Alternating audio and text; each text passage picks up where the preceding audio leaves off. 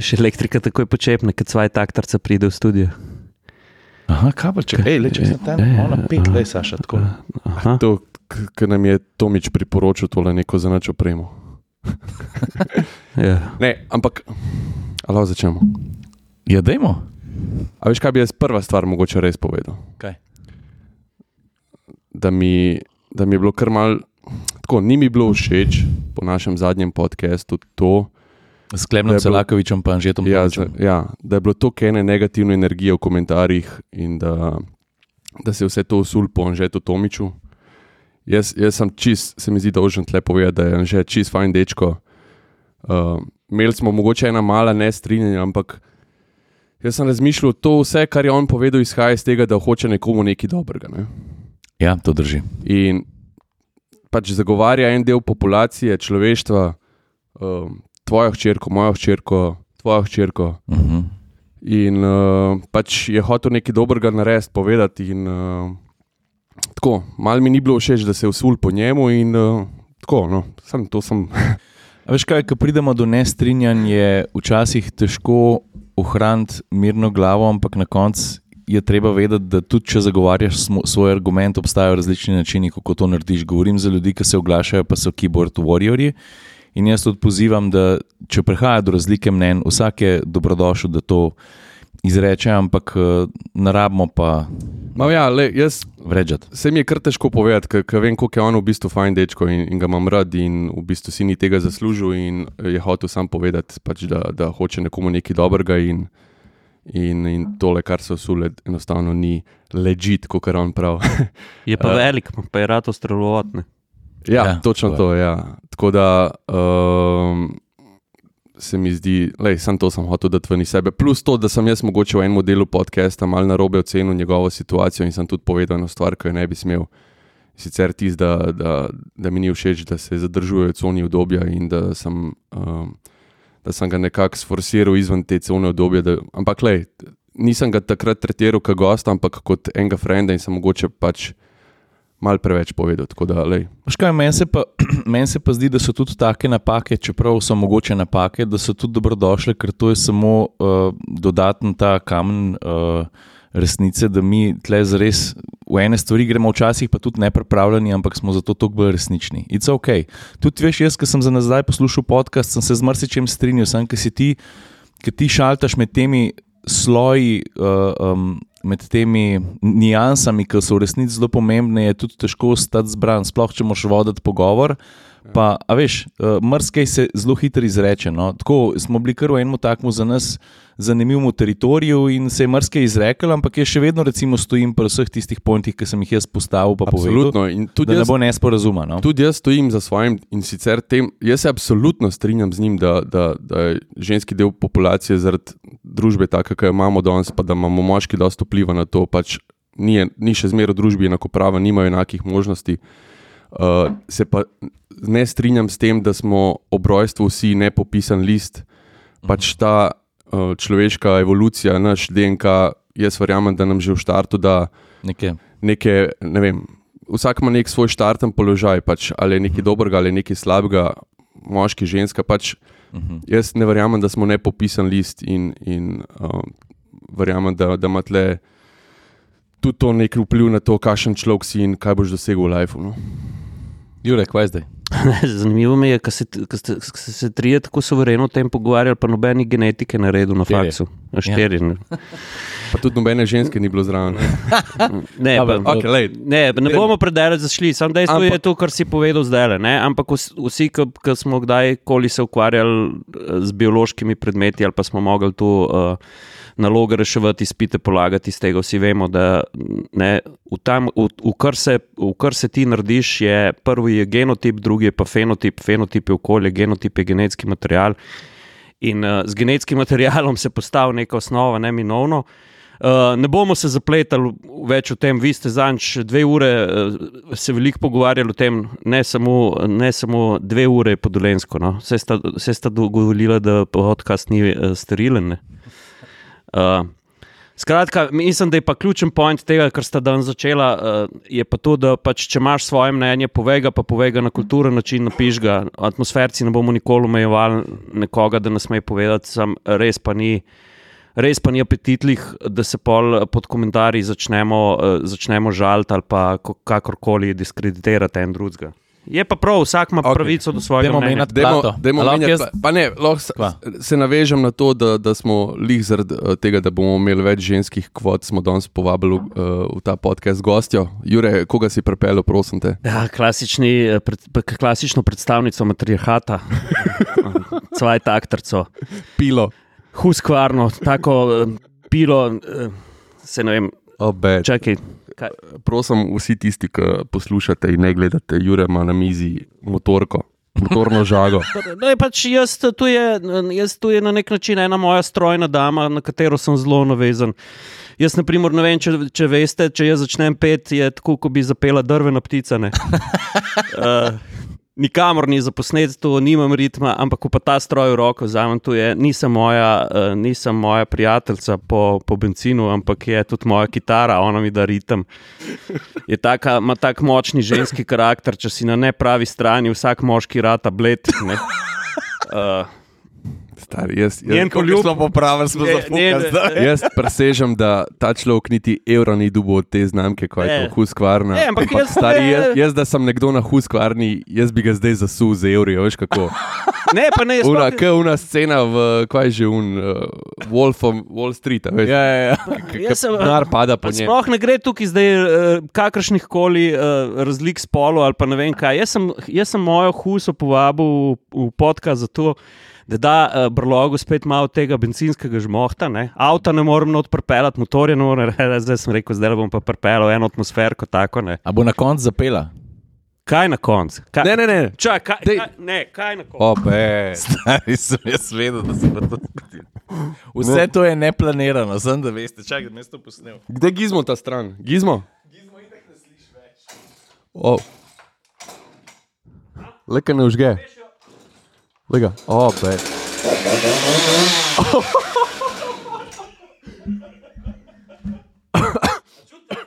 Uh, lepo se voha. Brlog je prišla ena taka sveta luč noter na Obe. Obe. Ej, dej un dimni.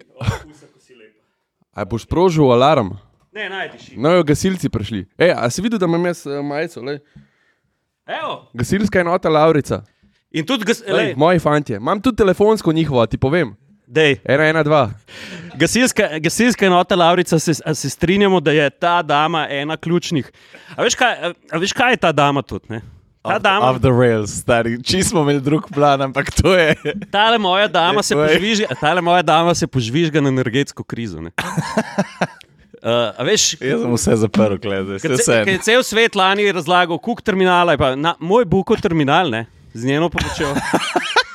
Na lazih, ne, priskrbel, je, priskrbel je toploto za mojo družino, za očeta pa imamo. Lej, mi smo Buko terminal z njo nafilali na 110%. Aloh, Obe. uh, ej, krasen uvod, aloh, trenutek za pikico resnosti, prosim. No. Okay. Pa diši. Ne, da fuliš. Kog diši? Se ne moramo. A veste, kako sem živela? Lej, da se ne bomo pogovarjali kuk, uh, z vsem dolžnim spoštovanjem, ampak Obstajajo une smrekce s tem vonjem. mislim, da ne, ampak to, to je treba narediti. Hm? Ampak se, a, vidiš, kako je A zapeljano? damo to v našo trgovino? A? Dajmo. En, en parfum po vonju štilerce. Juh. Kakšne štile? A ni to štilerca, prost. Yeah. Da te pa pove razliko med tem pa med štilercem. No? Ne, ker ne bom delil družbe, ampak lej, Agree to disagree. agri to disagree, ampak- ampak husaj sem ena, sem pogledaj, le tole oranžno. Ja, ja. Huda. Ej, um, a vi da veste, da smo atmosferci postali um, del žirije izbora slovenski avto leta, ki imaš, da bom prav povedal. Ne? Atmosferci smo, smo se priključili izboru uh, za slovenski avto leta kot uh, medij, kot del žirije. To je bila velika novica že v bistvu. eh, Nekaj časa nazaj. Že nekaj časa nazaj, ampak je zaradi tega, ker je zadeva zelo, zelo aktualna, oziroma postaja aktualna, to povemo še enkrat. Uh, nadaljuj, nadaljuj, zakaj je v bistvu. No? Ne, najprej bom še povedal, da tudi zato, ker smo atmosferci, uh, bom rekel, da je bil en tak uh, logičen nadaljevanje naše zgodbe tudi to. In da, so, da nas je žirila, žirija sprejela, ker to ni kar tako, da dober dan, mimo pa zdaj zraven, ne, uh, je, treba kakšno, je treba glasovati in tako naprej, in poslati tudi prošlo.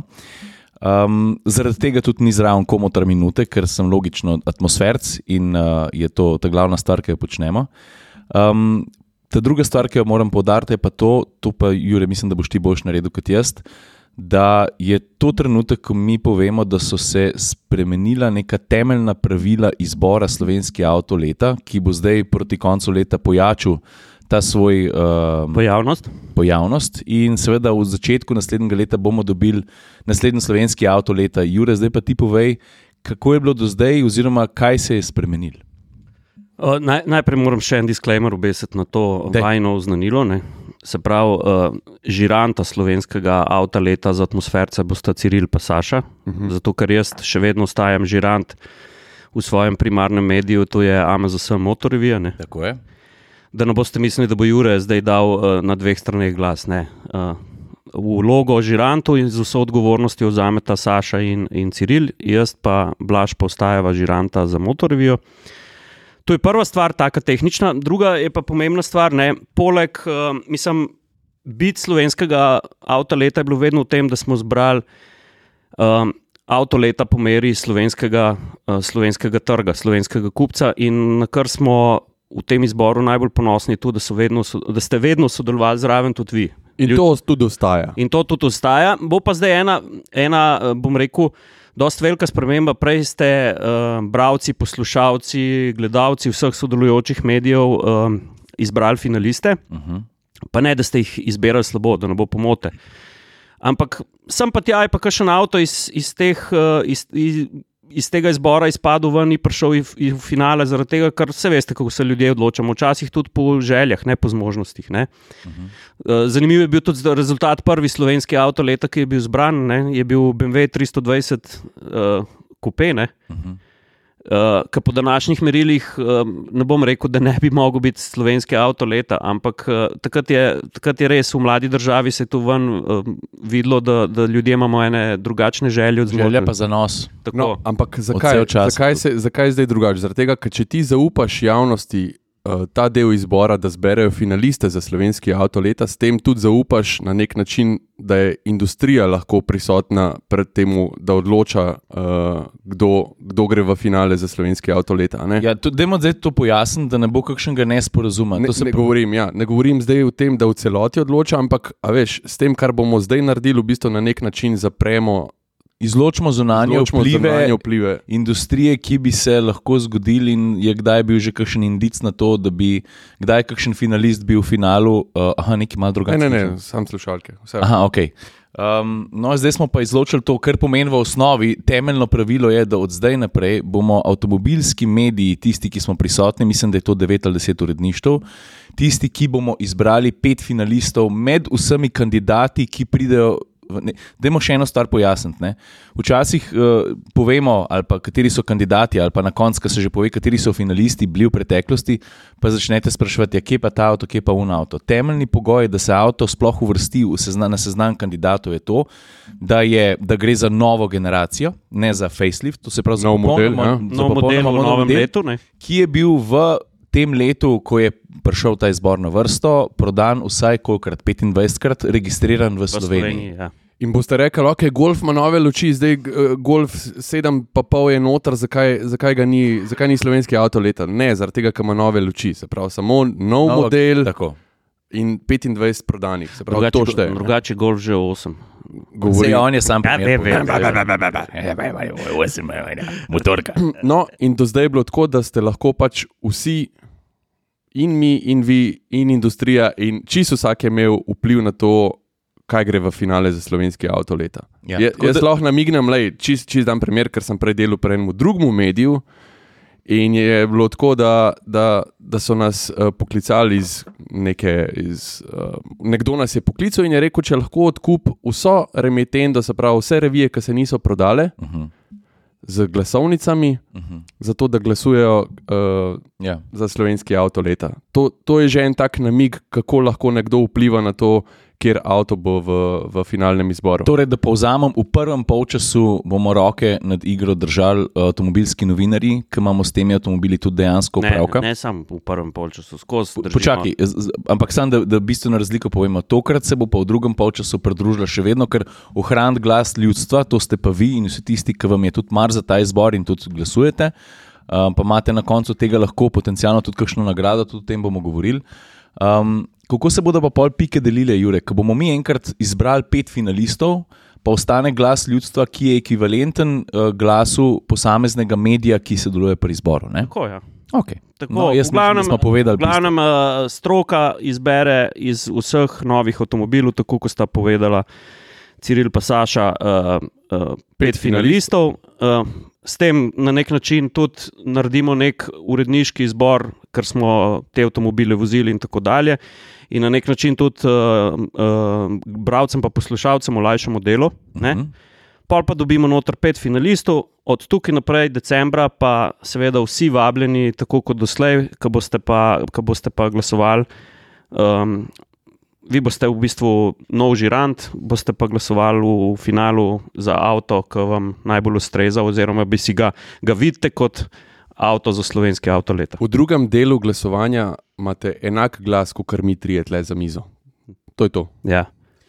Uh, a lahko kar prešaltamo naprej, se mi zdi, da smo bili precej izčrpni. A smo vse povedali? Ne, nismo vsega povedali. Kaj?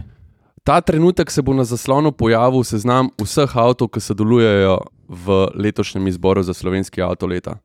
Jaz mi A dal del, ne. a- a Sem se ga, pojavil? sem ga prlimo, seveda. Si ga sem prelimo. Ja. Okay. No, in uh, seveda vsi žiranti, vsi, vsi mediji, ki v tem sodelujemo, bomo tudi uh, se srečali okrog teh avtomobilov, tako da tu ne bo noč kaj na pamet zbrano ali pa bilo kaj, da ne bo Seveda, da ne. kakšne- eh, Ker v vseh teh letih to nikoli ni bilo na pamet zbrano. Um, in eh, smo se vedno zelo, zelo uh, natančno ukvarjali, vsak žirant s, tem, kaj je najbolj primerno za slovenski avtomobilski trg. Pa na tem mestu tudi hvala vsem, vsem poslušalkam in poslušalcem, bravcem, bravkam, gledalkam, gledalcem, da ste vsa ta leta skupaj s slovenskim avtom leta. Uh, in moje mnenje je še vedno to, da slovenski avto leta je lahko samo eden, to je državni prvak avtomobilski. Ja. In v teh letih se je, se je pokazalo, da smo skupaj izbrali um, vedno zelo, zelo kredibilne avtomobile. Ej, pa še nagrado, kakšno lahko fašajo. ne? Ja, A? zdaj, To kaj bomo pa točno? zrihtali. Ja, to bo, ne, ne par nagrad zagotovo bo, uh, tudi neko žrebanje bo, ampak o tem bomo pa itek še spet. Ja. Dajmo se zdaj naprej Ker, premakniti. a veš, ker, če, če greš na volitve, pa voliš za koga od politikov, ne veš, če kaj v dubu. Ne? Ja. Ne veš, če se ti v live kaj spremljamo, tle pa lahko ne? A? Dar ste povedali. Okay, Pa predvsem inženirji vse obljube izpolnijo. ne.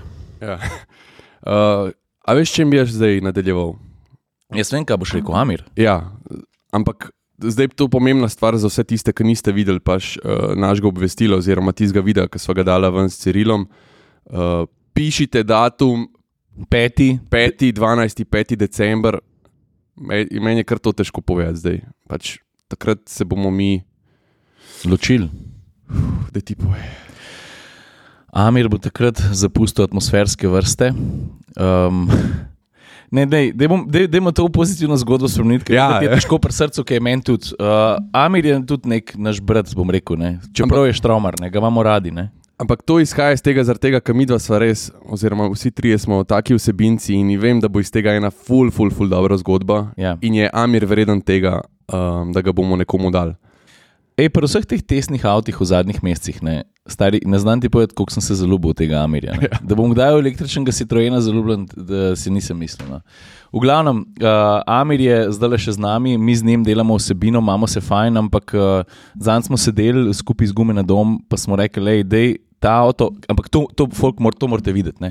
Kamor se prepele, Jure, ti si se zdaj tudi z njim že malo zapelil. A, a je to ambasador dobre volje, ali kvačem ti reči? No? Je itak, da je. Ne? Predvsem pa, lej, to je še en dokaz, da kar tukaj jaz vedno govorim. Dobro, jaz Amirju težko rečem avto. Ja, to je Amir. Amir je Amir, ne? Amir je Amir. Ne? Ja. Um, če bi mogel takrat prst dvigati, bi rekel, ne, da je moraj Husqvarno Rider kupiti. ne. Ej, Ja, ampak jaz že kar vidim, da bomo mi še enega kupili. Ne, Ja. ampak ne, drugo se stvar, da ne bomo, da ne bomo, da ne bomo kam. bistva nismo Da povedali. ne bomo za- kam zašli Ja. od Amirja. Amir je res en tak uh, simpatični, uh, simpatično prevozno sredstvo. Ne. Ja. Mene je zanč presenetilo, uh, ker Saša ga je resno študiral. Ne. Saša je z njim postal eno. Ne. V, v, v Vink smo prišla, mislim, jaz nisem vedel, da, da, da en kozovček lahko tako elegantno spele v Vink. Ne. Razen unga v Monaku, pa folk, prosim. Nehite, Ne, prosim. prosim, nehite pošiljati te videe, ker to smo videli že en let nazaj. Ja. Tako, ful, Ampak- Ampak, ful cenim, če kdorkoli kaj piše, pa, pa da kakšno pohvalo ali pa kaj hoče dobrega. ampak Monaku naj ostane v. Monaku naj ostane v Monaku, prosim. Ne, hotel sem pa tu reči, ne, da, da pač to, ko si omenil to dobro voljo. Ne. Prvič, tu jaz vedno trdim, da noben, um, noben avtomobilček, avtoček, stroj, um, superšportnik, um, vsak ima svojo zgodbo. Ne. In vsakmo, vsakmo avtu najdeš, najdeš lahko veliko pozitivnega, pa predvsem. Ta pozitivna zgodba ni nikoli omejena, ni nikoli pogojena, ne omejena z konji, eh, z zmogljivostmi in tako naprej. In če smo že pri dobri volji, takrat, je na cesti dobra volja v pozitivnem smislu, ne, pa naj se ne zdaj ne pržgejo vsi alarmi uh, zaradi kakšnega alkohola, ni bilo to tako mišljeno, ne, dobra volja, ampak kadar je voznik dobre volje, kadar, kadar ni agresiven, kadar je nasmejan, kadar je sproščen. Takrat ni agresije na cesti, in kadar ni agresije na cesti, tudi ni prometnih nesreč. Ne? A, a lahko, ej, mi smo, smo tudi en zabluzili. Ne? Zakaj Ja, to ni peti- bistvo, ja. Ne, bistvo, zakaj so rekla Saša, zapomnite si, zacahnite si 5. december. 5. decembra bomo imeli skalno akcijo. Mi bomo Amirja skrili in kdor ga najde, Je njegov, je njegov. bolj simpel ne more biti. Ne. Čak, vidva bosta Amirja poklonila. Mislim, ne- malo se boš mogel potruditi, a ne? Lej, tako bomo rekli, mi bomo Amirja skrili, Čak, zelo dobro ga bomo skrili in kdor ga pač ti zdaj najde, je njegov. Pa za še, džabe. en, še en disclaimer, nekdo ga bo najdel na koncu dneva, zaradi tega, ker bomo pač tako naredili, da, da ga bomo res podali. Ne obstaja opcija, noben ga ni najdel, še zmeraj naš. Ne, to, to, to se ne bo zgodilo. veš, da ne bo folk na robe mislil, ja, tega bojo tako skrili, da ga noben ne bo. Dobili boste kakšen hint, ampak tukaj je pa zdaj un, un še, še en zelo pomemben podatek, ker smo šli uh, tukaj um, v žlahto z gume na dom.si. Uh, pač čistko je, kdo bo uh, kupil uh, gume Oziroma, tudi kdo je že kupil gume v času, uh, odkar imamo Amirja, a Ja. veš. Ker smo mi že prej malo Ja. namignili, da bomo pač eh, nekaj ja. naredili s tem avtom. Ne, v, No, povej. ne sam pač vsi, ki ste že kupili gume, pa tisti, ki še boste, boste na dan iskalne akcije imeli še en korak prednosti, v smislu, da boste na svoj mail, ki ga boste oddali ob naročilu za gume, dobili namig. Boljši, Boljši. namig kot vsi tisti, vsi lahko Bolj sodelujejo. natančen. Vsak lahko sodeluje, pa išče Amirja. Ker tudi če se mi kdo spotakne, ti zdaj ob Amirja, pa reče, kaj je pa zdaj to, Je njegov. je njegov. Ampak kdo bo pa kupil gume na gume na dom.si, bo dobil pa boljši hint in bo imel head start. In to je to. Absolutno. pa bo Amirja težko skriti. Ampak, gled, da se ne Ja, ja, bo kdo vse spotaknil, bo vse, kar smo mi rekli, obstajajo pravila nagradne igre. Absolutno vedno. In bomo tudi to, seveda, spodaj linkali. Tako da Ja. prosim, lepo, uh, če se že gremo ta špas, dajte še odpreti ta link ja. Ja. prebrati, zato da, smo, da imamo počrto vsi tudi vsa pravila v glavi. No. Tako. Čak, a, a ga bomo pobalerali, a ga obalo zavili. Stari dobra ja. Ja. ideja. En, Pa ga posta- na en pole, model. Postaviš na pole, pa sam malo amirja štrli ven iz une bale. a veš. Ej, Bobnar, a imamo, a imamo kakšno balerko tako veliko, da bi Amirja povila? Oh, the best. Ja. No, No, lej, ne bo ga težko skriti v bistvu. Ne. Ali pa, no? Škaj, uh, ja, potruditi se bomo mogli. Zdaj, ne smeš zdaj, stari noški preveč povedano. To so že prvi namigi. Ha? Ja. Kaj bo zunaj oboznice, a znotraj oboznice? Ne bomo nič zdaj ja. povedali. Ok, tik bo. A Rečemo prvi namig. Čak, Ja, da- ampak, ja, ne vem. ampak avto boš dobil prav za džabel, kaj? Ja. namig. Prvi namig je že to, da, da nima prav range. Da, Ja. pač, uh, nekje znotraj njegovega range je prvi namig. ja, od tukaj, od brloga. Od brloga. Una 50 km. Ne bomo vse več Pa, povedali. pa Grego- Gregorčič. Ali pa tudi ne. Pa, pa, pri, pa tudi ne. pa, pa Gregorčič pri Kolčko, pri Kolčko prišel, pa ga ujut- uj, treba je tiskati v Južno Francijo. Ali pa če ga ražagamo s tole žago na pol, pa ga podeli kot Ne. nekam. Ha? Ne, ne, huskvarna pa ni. eh, Huskvarna je urodje sreče, pa reševanje, ne pa Si uničevanje. bolj uh, za gasilce. Ne, to. Ja. A, lej, lej. Ej, a ste videli, kakšen hud avto vzila? Čakaj, moram prav pomisliti. No, da je povedal, zakaj smo šli v Zagreb na, na Kiro, Ljubljansko avenijo 4. Jaz sem šel že mal pred tabo, Ja. tudi ti si dubu sicer vabilo, ampak eh, nisi uspel iti. Eh, Jaz sem šel že mal pred tabo in sicer eh, s tem namenom, ker je hrvaški Grand Auto, ki je sicer tudi v Sloveniji zastopnik za znamke Renault, Dacia, Nissan, MG. MG Tako. Alpin. Uh, je na hrvaškem dubu ekskluzivo oziroma zastopstvo za KTM Crossbow Ja. in so naredili en lušten event, ki je bil res. Ali lahko pustiš Pusti pusto? kondomček gortale. Ne dotiki se gostje. Ne, sem, sem, sem videl, Ne, če šla so- če- Stari- jaz rečem KTM, on huskvarno se začne. Ne, sem, sem, Alo? po- Alo? sem pogledal, sem, če se v redu počutim. Ej, no, skratka, daj pa, uh, zagnali so znamko KTM Crossbow na Hrvaškem oziroma v regiji in so pripeljali en hud, hud stroj na predstavitev. Ja, to spremlja povedal, se bo več. KTM Crossbow GTXR Ja, tako. gre za praktično uh, GT2 dirkalnik postavljen na cesto, street legal. v bistvu zgleda, kot.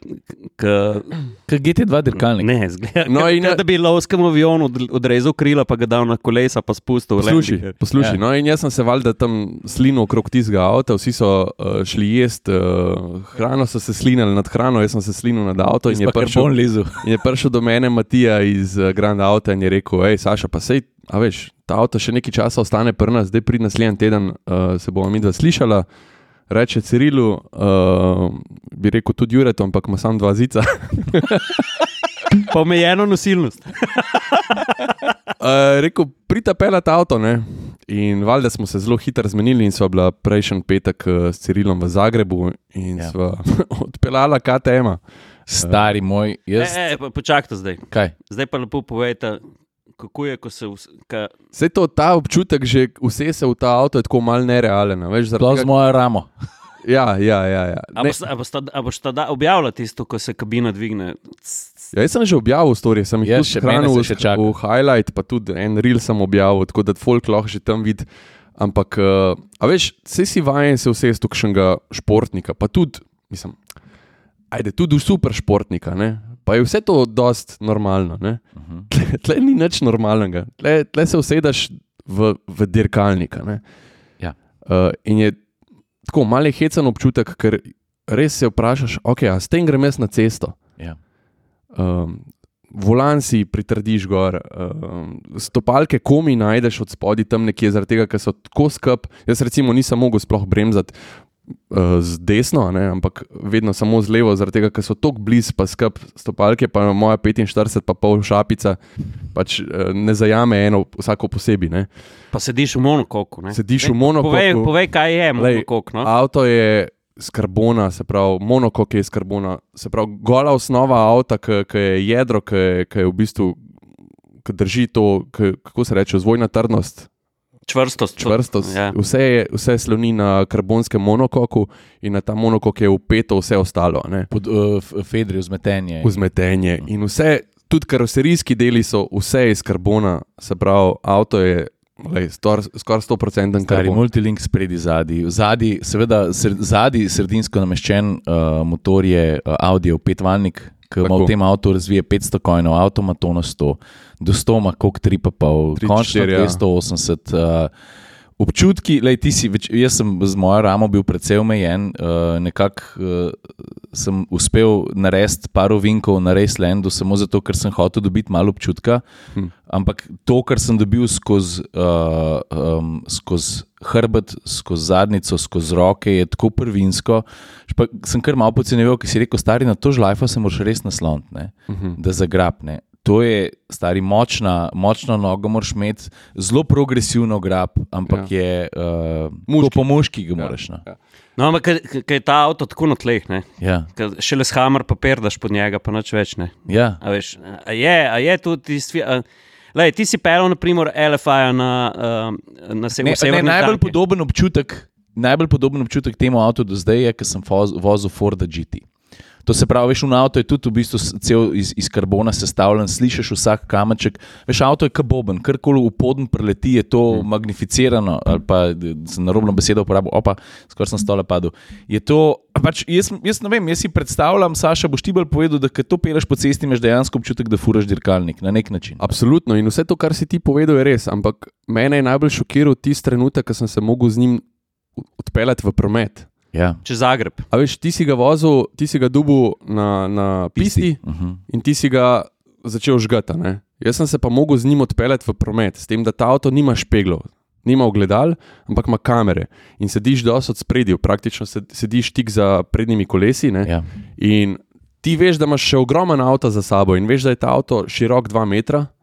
In veš, da ima uno krilo od zadaj, Ja. GT2 spoiler. Ne?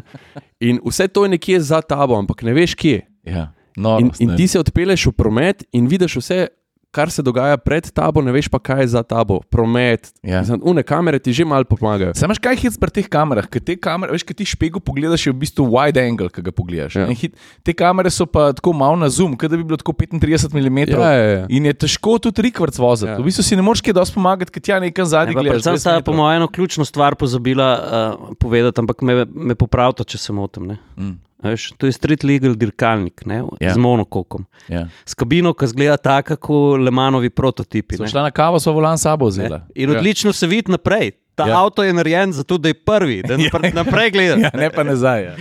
Res je, res je. Ne, uh, ta, ta občutek je bil predvsem nerealen, no, s tem avtom biti v prometu. In tudi, uh, ma to mi je bilo skoraj bolj zabavno, kot biti na dirkališču, pa, pa da no folk na robe razumel, pač kot si ti povedal. Avto je noro prvinski, super se pele. Ampak, bo- ampak ta opazovati folk. Uh, To, kako, kako te vsi gledajo, pač, da ti ne sodaš tja not v Ja, tisti ja. promet. To mi je bilo bolj zabavno. Se prepeleš na vsakeč. Ej, a vam povem nekaj? Ja. Jaz sem, jaz sem šel uh, ene šestkrat, sedem, sedemkrat na uno cestninsko. ja. A veš zakaj? Ja. Sam, z- okay, prvo, prvo, prvo, zaradi tega, ker mi ni ratalo vsakič posnet, ker mi je telefon dol padel, ne? ker sem hotel posnet reakcijo Ja, ja. folka, ki se prepeleš na cestninsko oziroma unih. Ampak meni je bilo to všeč zaradi tega, ker vsak je imel neko svojo zgodbo. En je rekel, en un na cestninski, ki na Hrvaškem še zmeraj kasirajo na roke. Ja. Ja. Je rekel, da, da je videl že vse živo nekih avtomobilov, ampak da, da ta zga Batmobila še ni videl. ne. Ja, ja, ja. Una ena ženska je rekla, da se lahko kar pod rampo zapeljem od spodaj. Tako, ful so mi bile hude reakcije teh Ja, ja. ljudi na, E, na rampi. ampak dajte mi še povedati, polka sta bila na Racelandu, ki ste ga malo, malo zažežili. Ja. A pa je v tem avtu še vedno tisti feeling, da ko volan držiš, imaš občutek, kot da bi obese držal. Kaj da bi Ja, šla do ja, poda. ja, Ja, ja, Se to je bil pa za me tudi posebne vrste šok, da sem se posedel, nič pelo prej, zdaj pa tam probi neki teren, Ja, ja, ja. z mojo rokico. To si ful lepo povedal, kot da bi imel v bistvu v rokah obesene, kot da bi Ja. imel pol, pol sovine. a Veš, tako pač. s tem, da meni tudi zgleda Ja, še, še, na, še na dva kubika boljš kot prejšnji. Ne. Ja, ja, ja avto hud zgleda. Pa, pa jaz sem recimo vozil čist prvega KTM-a, uh, Crossbow, takrat še, ko so zagnali proizvodnjo v, v Gracu. In si takrat mogel imeti še čelado, ker ni bilo kupole. a veš. Ampak je bil tudi poseben avto na svoj način. Uh, Kupole so imeli samo dirkalniki. ne? Samo, pa še to, ne vem, pred kratkim so to šele Ja, začeli ja. delati, ker so šli v GT2 klaso ne, s temi avti. Pa predtem je imel še 2.0 uh, turbo benzinar, zdaj ima 2,5. ne. Ja. Um, ampak ta feeling je res neverjeten. Ampak sej, še enkrat povem, vse to je super. Vozili smo močnejše, hitrejše avte, ta je zelo prvinski, pa predvsem zelo.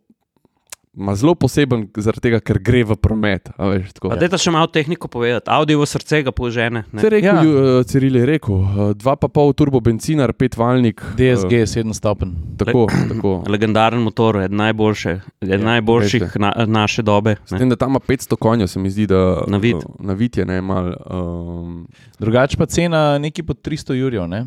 ja, uh, brez davka.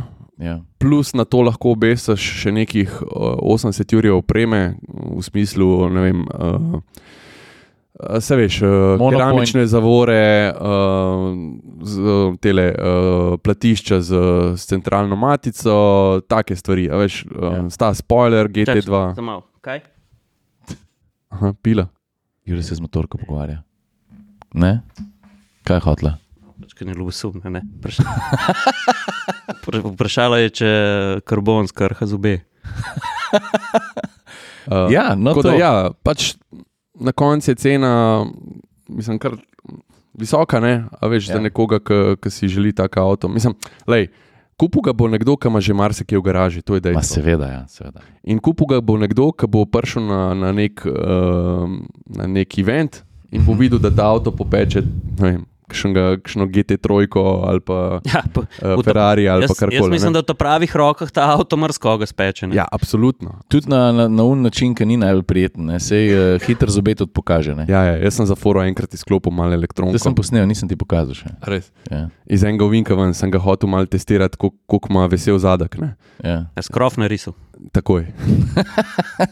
Pa sem, pa sem bil kar hiter na volanu, po mojem občutku sem zelo hitro reagiral, ampak ni bilo dovolj hiter. Tako da hiter si okrog, pa sem pa enostavno pustil tisti program Sport, ki mal dovoli, mal pa ne. ne. Pa tudi tam je treba še zmeraj delati z volanom, kar, škaj, zdaj, ki probujem nekako sam sebi opisati, ker težko je to bohotenje karbona, poglikovih vlaken opisati, kako izgleda avto res v živo. Se bomo, se bomo pripeljali, Ja. kakšen link ti imaš v highlightsih, jaz bom pa najbrž do takrat, ko bo to objavljeno, tudi objavil že. Ti si v bistvu ful, zaradi tega, ker, ker si sedel večinoma poleg, ker nisi mogel voziti, si posnel ogromno materijala in jaz komi čakam ta vlog, ker se mi je- zdi, da je veliko bolj povedan, kot uh, tisto, kar sem jaz posnel. Ja. Aj ta feeling surovosti, ne surovosti v, v vožnji, ampak v, v, v surovosti materijala. Aj tu podobno kot takrat, ko še enega prototipa vozimo, ker ni vse popegno. Ja, ja, ja. Zakrčen šraf v, v glas. Pa Ka, predvsem, ker imaš te neke zvoke, ki prihajajo, ki jih nisi vajen v. v, v Bolj to, ne zato, ker ne bi bil tako dober narejen, pa skupaj sestavljen. Avto je solid, 100 na uro. Mi gre to en izmed prototipov in to en izmed uh, petih na svetu v tem trenutku. Ima ne. klimo, ima, Predserijski ima avto. Bluetooth, a veš, Ja, ja, ja. ja. zvočnik je, mislim, tako, ima, vse ima, kar imajo avti, ampak ni pa to namen tega avta, da uporabljaš te stvari. Veš, tako pač. Aj, uh, KTM, pa če poslušate, ne, mislim, moja skromna želja bi bila, da ta isti avto naredite še za Dakar. Jaz, kako bi hudo zgledal. Stavljaš to model, a, dvigne. Bagi. Ja. Ej, mim grede, ki smo jih pred Dakarju, pa teh počavskih dirkah, zdaj že cajt, mogoče da prešaltamo temu. Vsaka čas Juraj Šebal, ki si zmagal v Tuniziji Ja. svojo pandico. Stari moj, to pa je bil Ja. experience. Jaz sem ga mal spremljal. Pa uh, Matija je bil zraven. Ja, meni je mal žal, sicer, če se iskreno, Juraj me je pola- povabil zraven, nisem mogel uh, in uh, mi je žal. Ne, ne zaradi tega, ker bi prišel nazaj z zmago, mislim tudi zaradi tega, ampak uh, ker je bila nora, nora izkušnja in se že veselim, ko bo šel na Dakar. Tako da Ja. vsaka čast. Uh, a gremo naprej. Pa, se, pojma pa naprej. ta njegova pandica je res seksi, ne? lepo so naredili. Ful. Res, res dobro. Ja. Ne, povšeč mi je tudi ta vibe, uh, da ni tako. To tekmovanje, ni, a veš, si videl, da je, da je neko sproščeno vzdušje, da ni, da ni neke napetosti dirkaške, da, da moraš nujno. Tako, pač večinoma prevladuje experience, pa, pa to, kako se imaš. Ne. Uh, No, pa, pa tudi tu, kako se naš, Ju- naš uh, Jure Šibica vedno vklopil v vse te stvari. a Veš, ja. on, je, on je eno tako uh, full power energijo. Takoj so ga tudi oni fanti vzeli tam za svojega. Ne? Ja, tako. Tako da Jurica, Jurica. Uh, Šibica, Jurica. Jur, Jurica Šibica. Stari, to Šibica je- najdu. Jure Šebel je po slovensko Jure Šibica. Zdaj veste, ker po mojem do zdaj niste.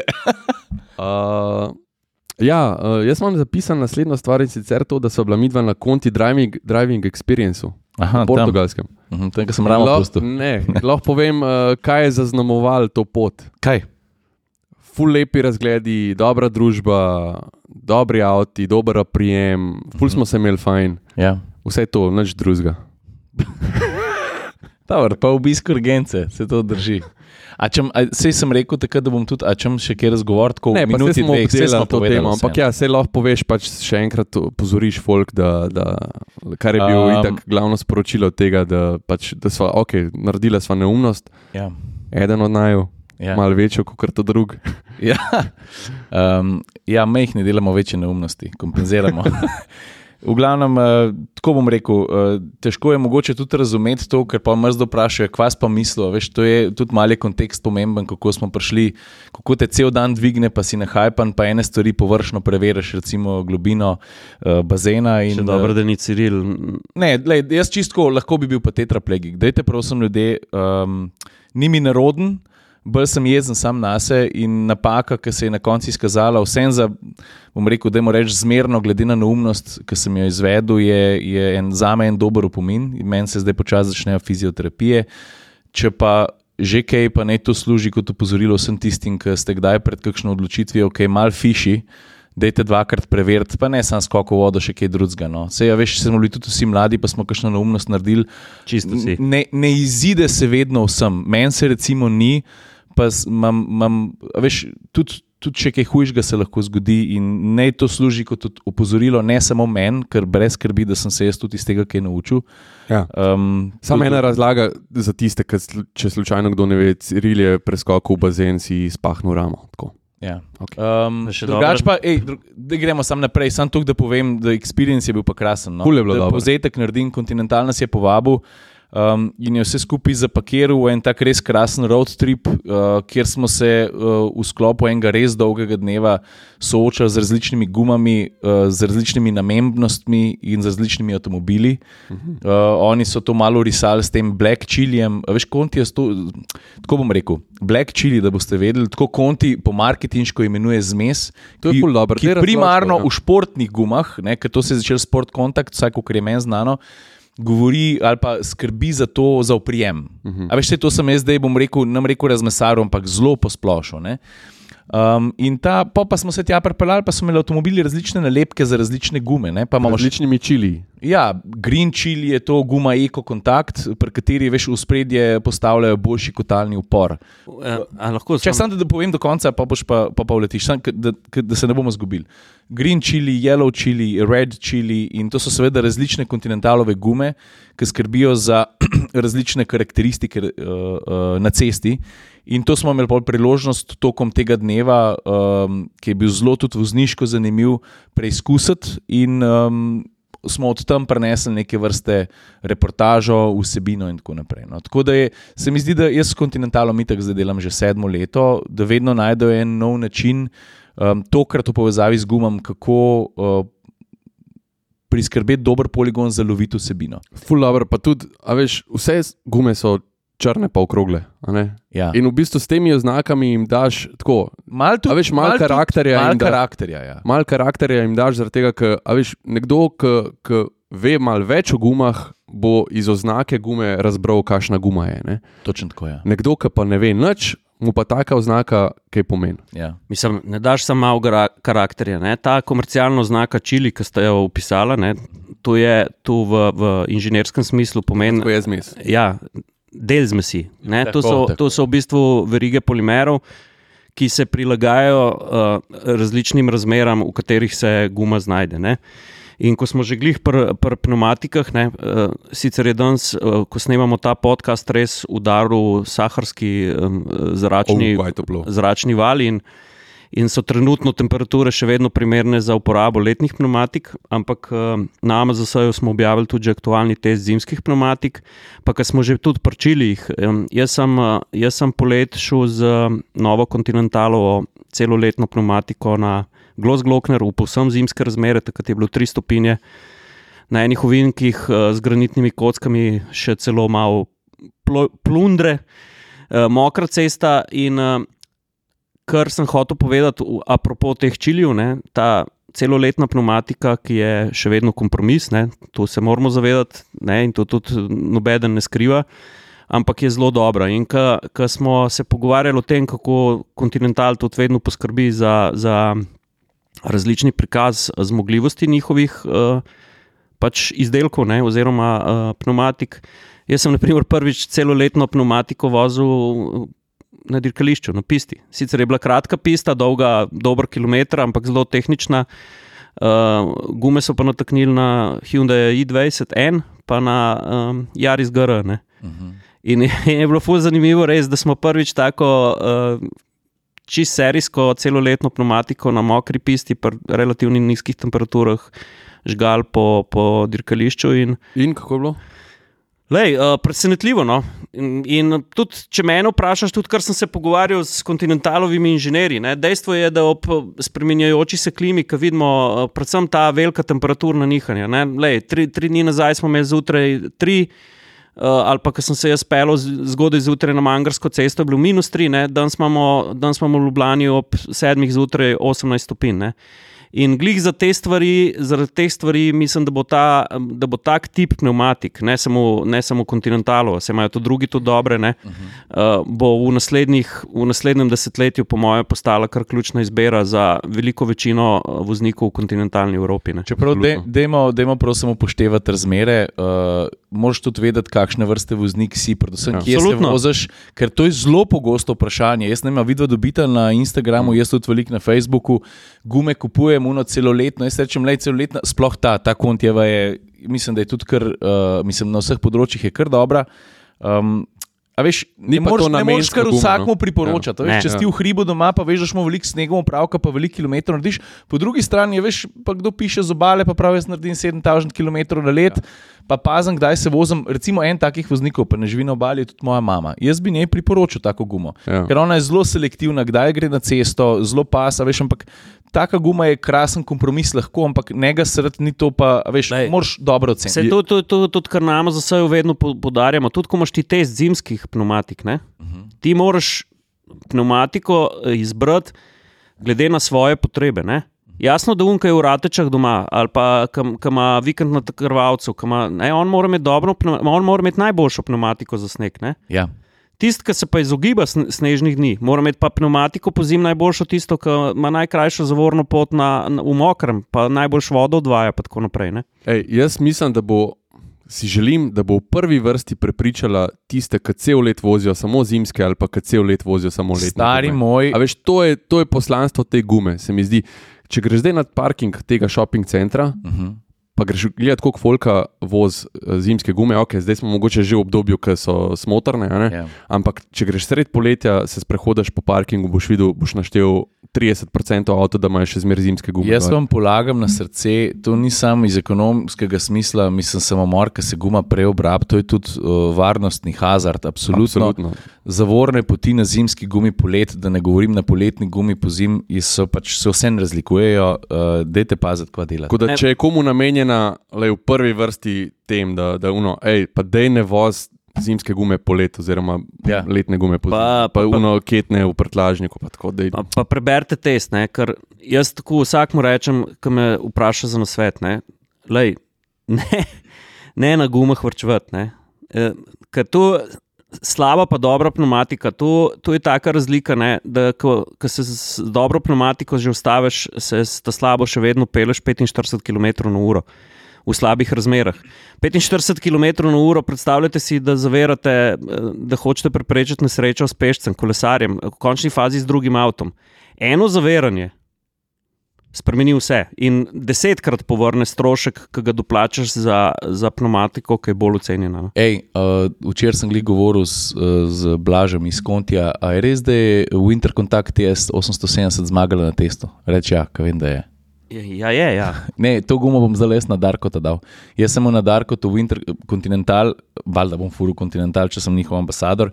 So pa res krasne gume. Jaz sem imel prej, če se ne motim, 850 kogor, tri zime, pa um, pot eh, čez celo Sibirijo po zimi je dala skozi, zdaj pa vidim, da je že čas, da menjam. Uh mhm. -huh. Tako da uh, zmagovalka testa, mislim, da drugi let zapored. Sem lani bila na druga izvedenka te gume. A veš, kje je lahko kupaš? Dej top, top 5 povej, vse je v redu. Uh, kdo so, kakšne vrstne redi letos, Jure?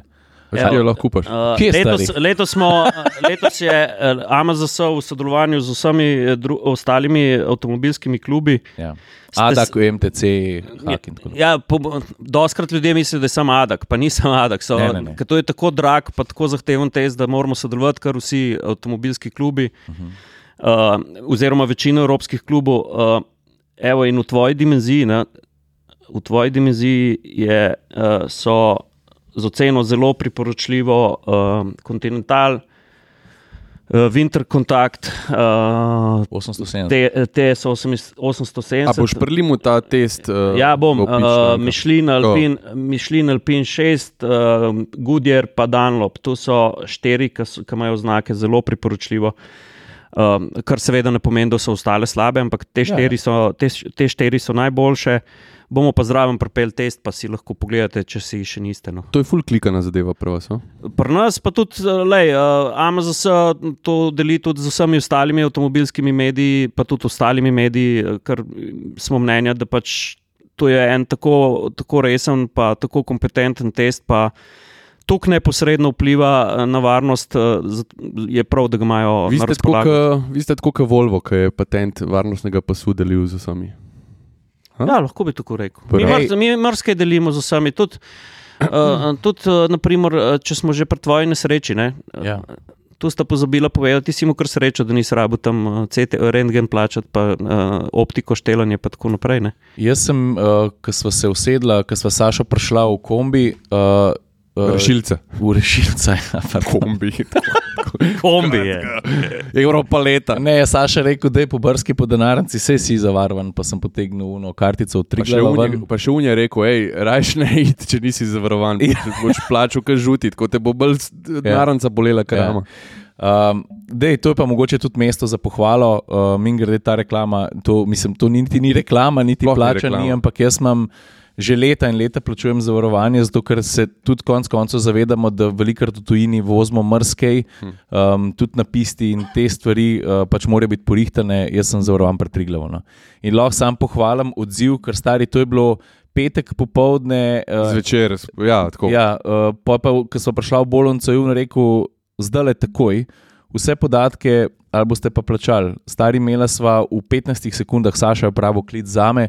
Na vezi Triglav, dva maila sta padla in oni so imeli, uh, jaz sem vse zrihtan, tip top, nisem rabo skrbeti niti za sekundo. Tako da jaz verjamem, da, mislim, seveda Triglav, zavarovalnica Triglav ni edina, ki te storitve ponuja. Jaz ti sam povem, da moja izkušnja, pa ti lahko temu pritrdiš, je bila uh, bolj zadovoljna, ne bi mogla biti. No. Tako da, dejte, tudi, ko greš v tujino, S tem, ti, nisi se- imel, ti nisi imel tiste evropske kartice zavarovanja, ki bi te v bistvu rešila tako, a ne, Ta modre. Pokazal, ta modre, ampak si imel v bistvu samo od Triglava tisto hotline pokliči. a ne, Tako je. To. In je bila edina v bistvu logična zadeva, da so poklicala na to številko in so oni pol vse rešili tako, v bistvu, na ta način. Ampak res, tako, pač, ne vem, nekdo na drugi strani je. Ne tako, da je samo tisti, uh, veš, eh, pomagal v smislu, da ja, okay, bom tako, full aktivno. Ja, ja, dajte to, pa pokličite, pa če ne bo v redu. Vmes se je izgubila linija, sem rekel, fakt, zdaj sem jih so oni izgubil klicali nazaj. Ja. 20 sekund, ko smo nek, čez neke tunele vozili tam po nekih uh, gorskih cestah, ja. da ne rečem, takoj nazaj poklicali, pa smo zrihtali. Tako da hvala še enkrat, no. Super storitev. No. Lahko še jaz nekaj povem zdaj. Ajde, ne. Ne? Jaz imam to isto zavarovanje kot ti, ne? Ja. sem da imamo prek AMZS družinskega čla, članstva, ker to je pa pol velja tudi za celo družino. Ne? Uh -huh, drži. Pa, pa, pa ista zavarovalnica je v zadnji. Uh, tako da uh, res, če, če, hoč, če hodite po tujini, tudi če greš sam na smučanje, dajte si to urediti, ker res takrat, ka- kadar se kaj zgodi, je, je hitro lahko problem. Pa tudi, uh, tudi če, ni, če ni poškodba tako težka, so lahko stroški zelo visoki. Ne? Ej, a veš, kam gremo pa zdaj iz Portugalske? Ajde. Na Ja. Dolensko. A v nov mest. Ja. Ja, A? najboljši iz podolinskih rok. Dajte povedati. No. Ja, klijo, Ta nov Clio. ta nov klijo. Imeli smo domačo predstavitev novega Clio um, v Revozu, tam, kjer jih izdelujejo, med drugim. Med drugim, ja. Med drugim. Um, Kakšen pa je nov Clio? Meni zgleda fajn. Ej, redko se zgodi facelift, da rečeš, ok, to je pa zdaj res To pa drugače. facelift, ja. Sprednji del avtomobila govorimo o novo umestitev, integracija ledic, pa tako všeč mi je. No? Ja, dobro zgleda. Uh, Ne pozab, Clio je bil kdaj 2019 slovenski avto leta, ne? jaz sem mislil, da bom sam rekel Dolenska in da bo on prevzel mikrofon, zdaj me pa gleda. Ne, ne, ne, ne. hotel sem nekaj drugega povedati. Ne, da, uh, ob vseh katrcah, ob vs- ob vseh Renault, Renaultih, petka, petkah, fajfkici, pa kampuski. Uh, ne vem, če ste to vedeli, ampak v slovenski tovarni smo naredili daleč največ kliotov. ne. Absolutno. Več kot 2 druga, milijona, imam prav. Ja. druga generacija, a sploh, druga? sploh druga generacija, pa druga generacija, koliko let. Ne? 13. Ja, V Clio, ne, v Revozu so delali 4 od 5 generacij Clio, ne? ja, ja. druge največ, ja. 2 milijona, koliko jih je bilo. Ja, Zakaj jaz te številke govorim? 2,1 2,1 milijon. Uf, kaj te popravil. Ja, pa rast, no, Veš. A ja, To a, tisoč avto, ni tako malo. ja. A veš, pa, pa ne. Um, ful je dobro, ne, ful je bilo dobro, to, to jaz vedno rad pridem v to našo dolensko tovarno. Vse dolenci smo vsi malo na njo navezali. Uh, Jasno, ka, Stari, kako je vletel not, kot direktor. Uh -huh. Ne, res, uh, meni pač ta tovarna veliko pomeni, s to tovarno smo, je, cel, je pol novega mesta gor zraslo. Včasih je veljalo, da je IMV, pa Polar Voz, uh, vsakmu pod gurcu napisal, en, odrezal en kos kruha, ne, uh, kar, stu, kar je čist res. Ne. Na to temo je bil tudi posnet dokumentarni film. Um, ja, pa če gremo nazaj na Kliota, ne, uh, res ga delajo slovenske roke, ne, to sta sama da videla. Pa uh, kar bi jaz rekel za ta facelift, ne, uh, takoj bi spostavil pogonsko raznolikost. Ne. Uh -huh. Še zmeraj ostaja.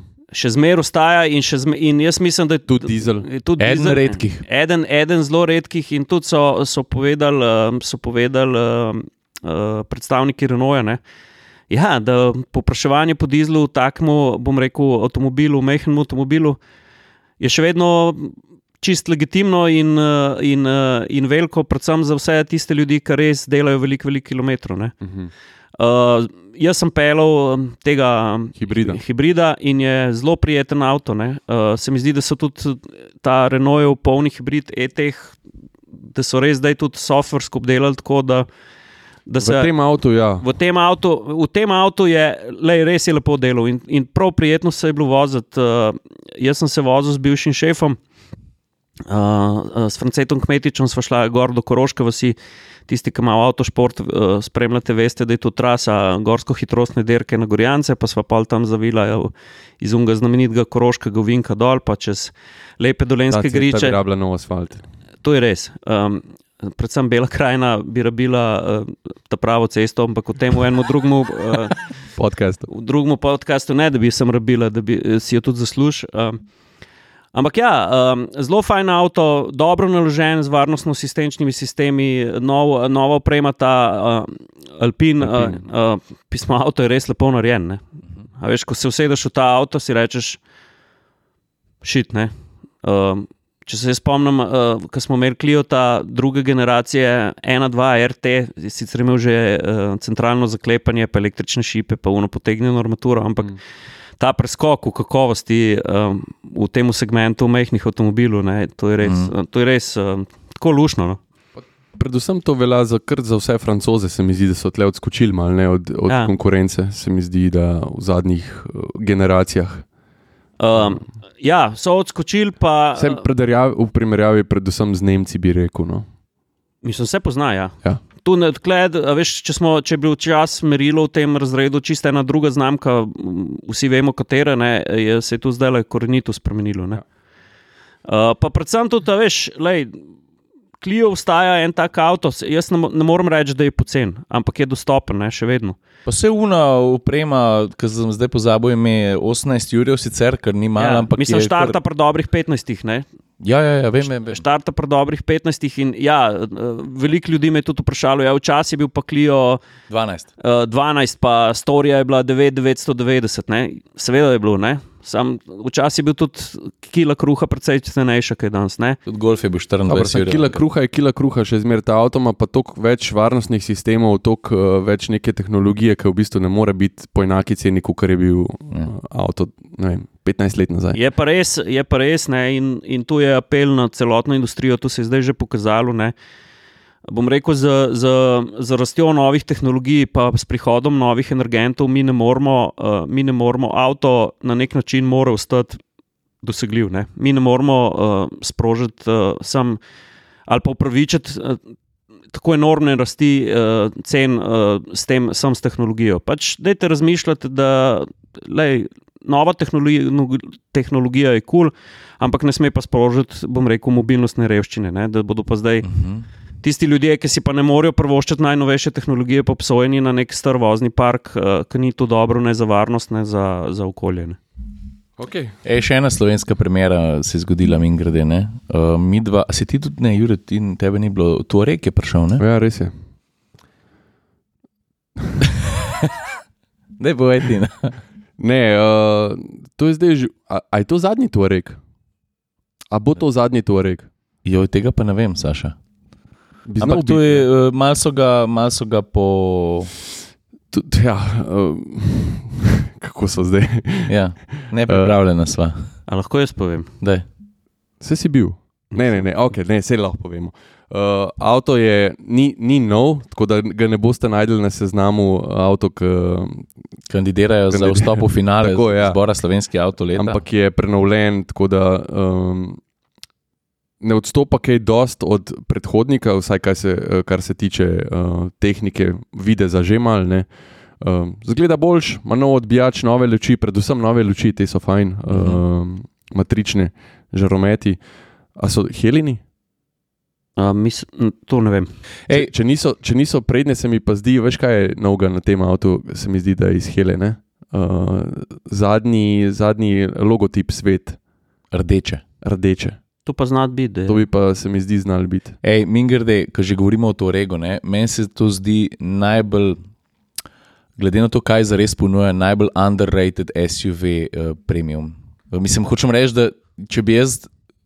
Si Ja, lahko se veš, zakaj. tako avto, pa, pa kupoval. Ja, mislim, hočem reči, da se nič slabše ne počutim kot v nobenem drugem avtomobilu, ali pa mogoče še malo boljš, ker je Ja, malo understated, ampak je res krasen avto. No. Absolutno, ampak se pač je logično, zakaj. Zaradi tega, ker uno, daš še zmeraj dovolj znarja za avto in nekdo, ki hoče premium, pač ima na izbiro v istem uh, koncernu kakšno premium znamko, Ja. ki jo dobiš za ta denar. Ne. To je v bistvu edina njegova hiba. Ne. Ja. Avto- v resnici udarja nad pasom. Ne, tle, Absolutno, Ja. absolutno. In nekdo, ki se sprijazne s tem, da za to denarja odšteje avto, ki se imenuje Volkswagen, ne, uh, Dobi res veliko. dobi res, res, res veliko avto. Ne.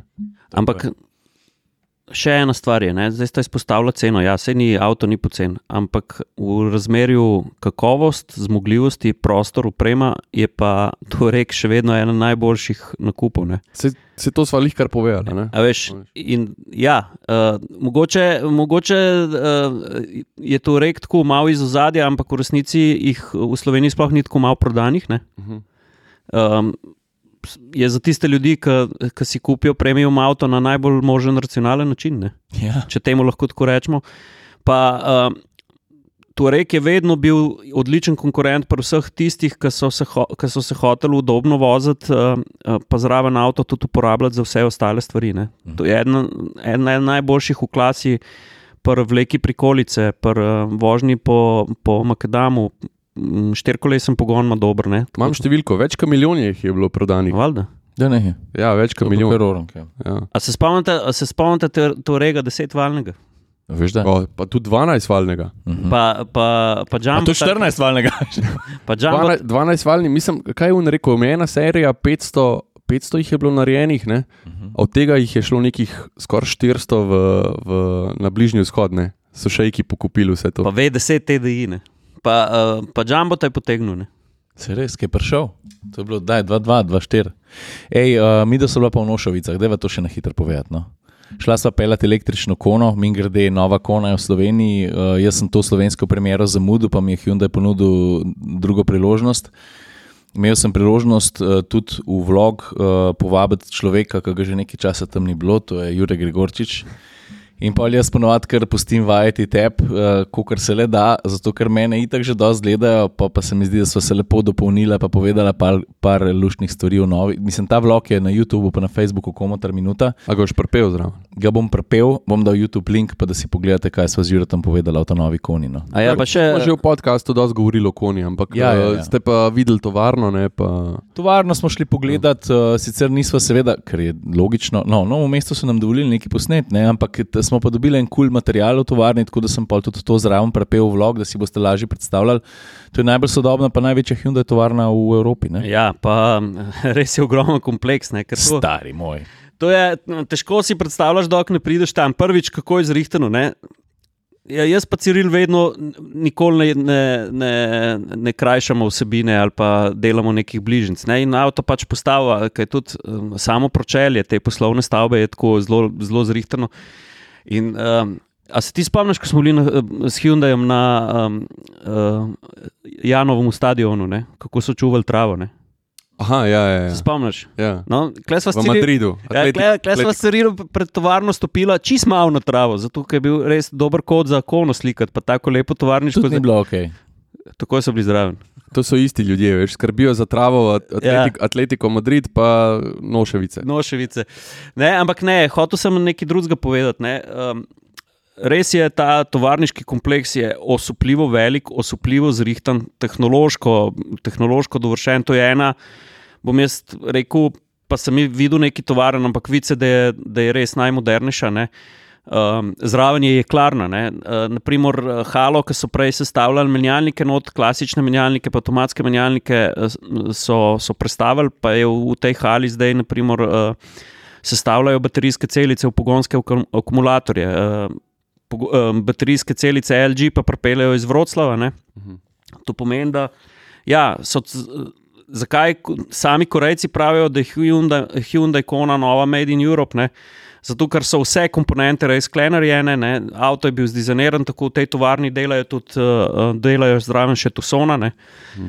Um, v vseh različicah pogona pa delajo i30, ne? pa delajo i30N tudi. Um, ja, pa novega Santa Feja smo videli, vse to smo že povedali. Tudi. Um, ja, pač, zanimivo, ne? Ful je zanimivo. Ful zanimivo ja. Meni je, men je tak. Uh, Meni je tak. Uh, um, Zadek je kontroverzen, pač, to moraš, moraš povedati. Ja, na kjer avto te spominja? A je na Land Roverju. Ja. Mene pa na Samsungu. mene, mene generalno malo na, na novega Defenderja spominja. Tak res mož, možakarski avto. Mene pa na unga disko ta stari, ne na Defender. Ne, mene pa na novega Defenderja. Ne, mene pa mene na disko. disko, disko A se spomniš na fotko z boka, zadnji del? Ja, ja disko. Ja, ja. Ne, disko je. A že do slikca zdaj. Ja, ja. Evo, spet mi del dal. Pijelo malo. Uh, ja, pa še eno, malo sem spremljal včeraj komentarje, so se fanti nekaj razpisali glede prostornosti kone. Um, lej, mi moramo ločiti, da uh, zadevo, da kona, uh, da kona ni eno prostorc. Ne? Kono mi ne moramo primerjati s Nikom, pa z Lančo, uh, no, ampak gabariti. Veš, jaz mislim, da, da te, ki so pisali, izhajajo iz tega, da je enostavno, koliko je avto dolg, koliko je širok, koliko je visok. Ne? Ja, ampak to je čist ležit. Seveda je ležit. Ampak moramo gledati zasnovo po obliku karoserije. Ne?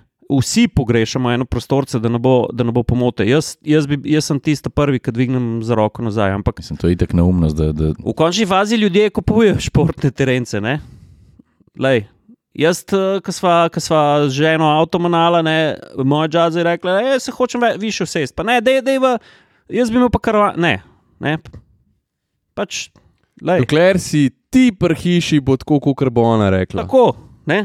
In ste kupili športnega terena. In smo kupili športnega terenca. Se jaz tudi vozim SUV.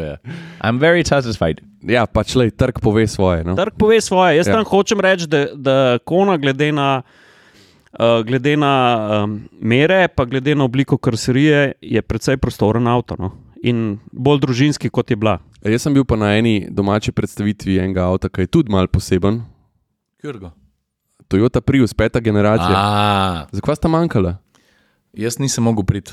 Zdaj se ne spomnim, zakaj. Zihar sem v Ljubljani. Neopravičen na ti. Jaz sem bil pa slovenski motokrosisti v Franciji. A, Če, okay, zakaj okay. pa jaz nisem prišel, nisem mogel ne, priti. Neopravičen ura. Uh, peta generacija Toyota Prius, um, zelo poseben avto. Tako, pač vsaka Toyota Prius je zelo poseben avto. Ne, ampak ta zgleda res stari, kaj eno zgleda drugače. Zgleda drugač. Ne bom rekel ne lepa, ne grda, pač zgleda drugače. Nekomu bo zelo všeč, nekomu ne bo sploh všeč. Uh, jaz sem stisnil fotko tako prednje maske oziroma prednje luči in vidiš samo porezano luč. Tako težko ugotoviš, sploh kje avto je. Uh -huh. Lahko bi bil LFA, lahko bi bil nek super športnik, lahko uh -huh. pa Toyota Prius. Uh -huh. uh, skratka, avto je, avto je mečken krajši, uh, je, pa, je pa v bistvu malo bolj prostoren, kot je bil prej, predvsem na račun tudi tega, da, da je ta peta generacija hibridnega sklopa zahteva malo manj prostora v, v kabini, ker je baterija skrita pod zici, ni več v prtlažniku. Um, ima večjo baterijo, 13,6 kWh. Oni obljubljajo celo nekih 80 km električnega dosega, ja. sicer pri tisti vstopni različici, ki ima, ki ima manjše platišča. Um, kaj še lahko povem? Uh, da bo ja. zdaj ne bo več kot polni hibrid, ampak samo kot priključni hibrid. Tako, to je tudi res. Ne? To je tretja generacija priključnega hibrida uh, in je v bistvu v Sloveniji bo obstaja obstaja tudi navadni hibrid, ampak v Sloveniji bo na voljo samo kot priključni hibrid. Dej, tudi tukaj bomo link stisnili. Jaz sem lani januarja, da ne rečem februarja, bil uh, povabljen v Grčijo, kjer sem pel prvič ta avto. Ta avto se tudi, kar- ni to sportska kola, ampak se tudi fino pele.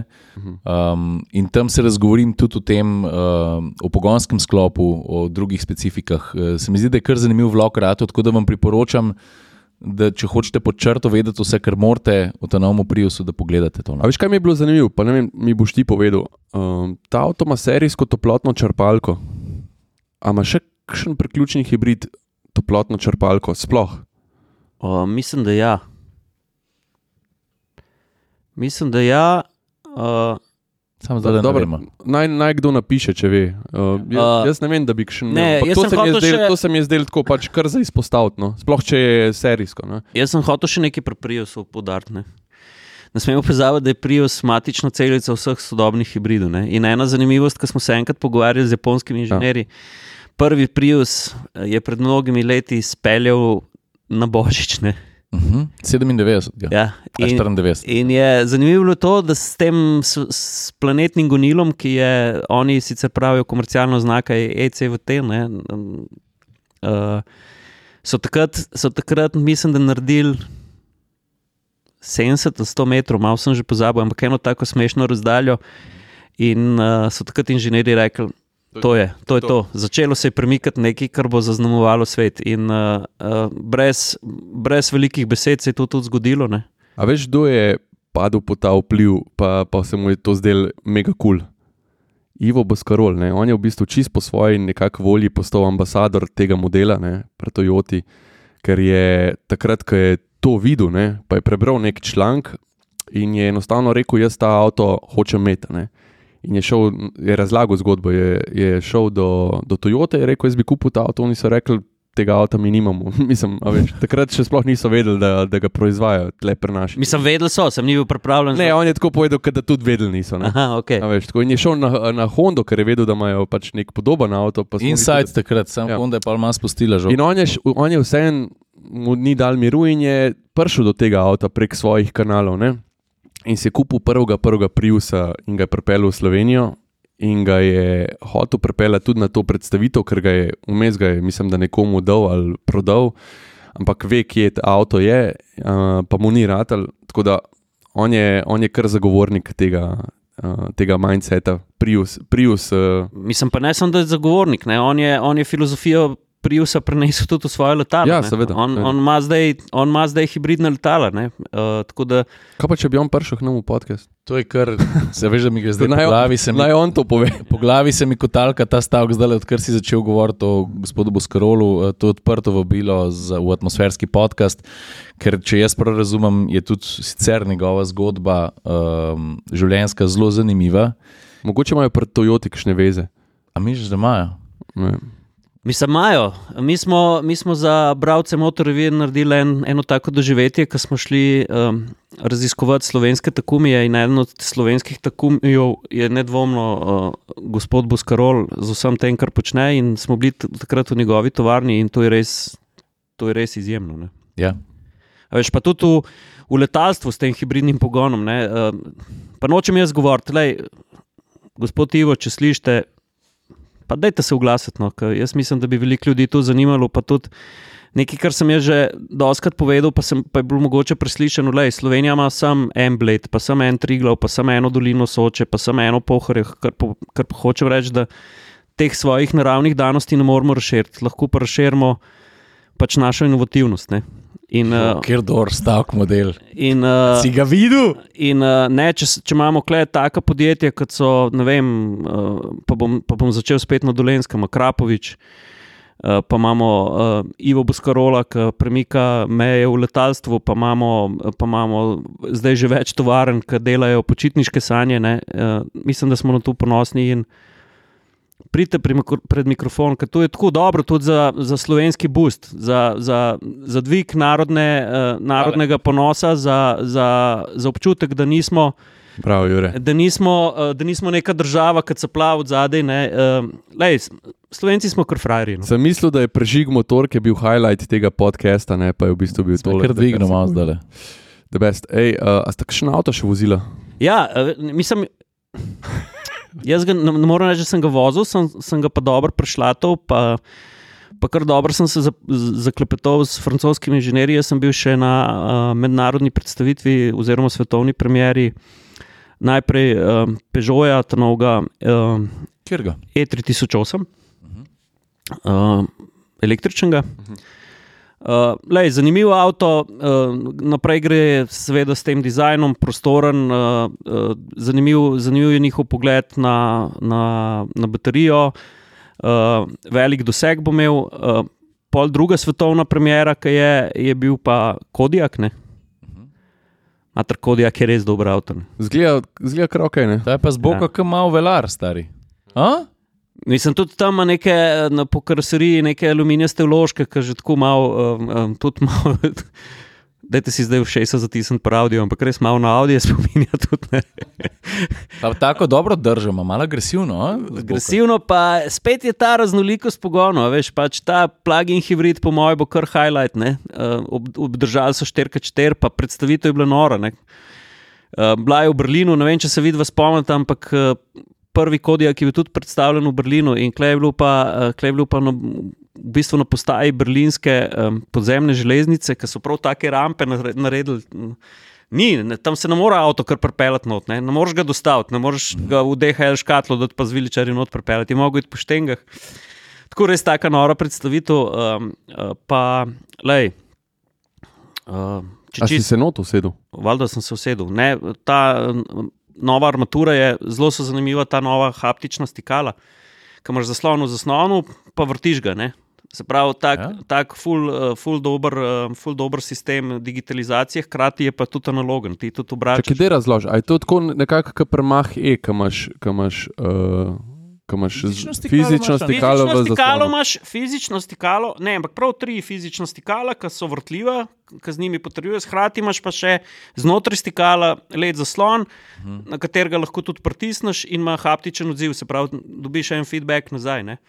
Pa avto je le, avto je zelo lepo narejen, materijale moram izpostaviti, ne, pa, pa ta prostor. Ne. A Veš, ti imaš pri ti imaš pri hibridu, prtlažnik, mislim, pri priključnem hibridu, ki 100 km na štrom naredi. Ne. Ne, kaj naj ti rečem, odpreš pa je kevdar v zadnji. The best, cool. Ti?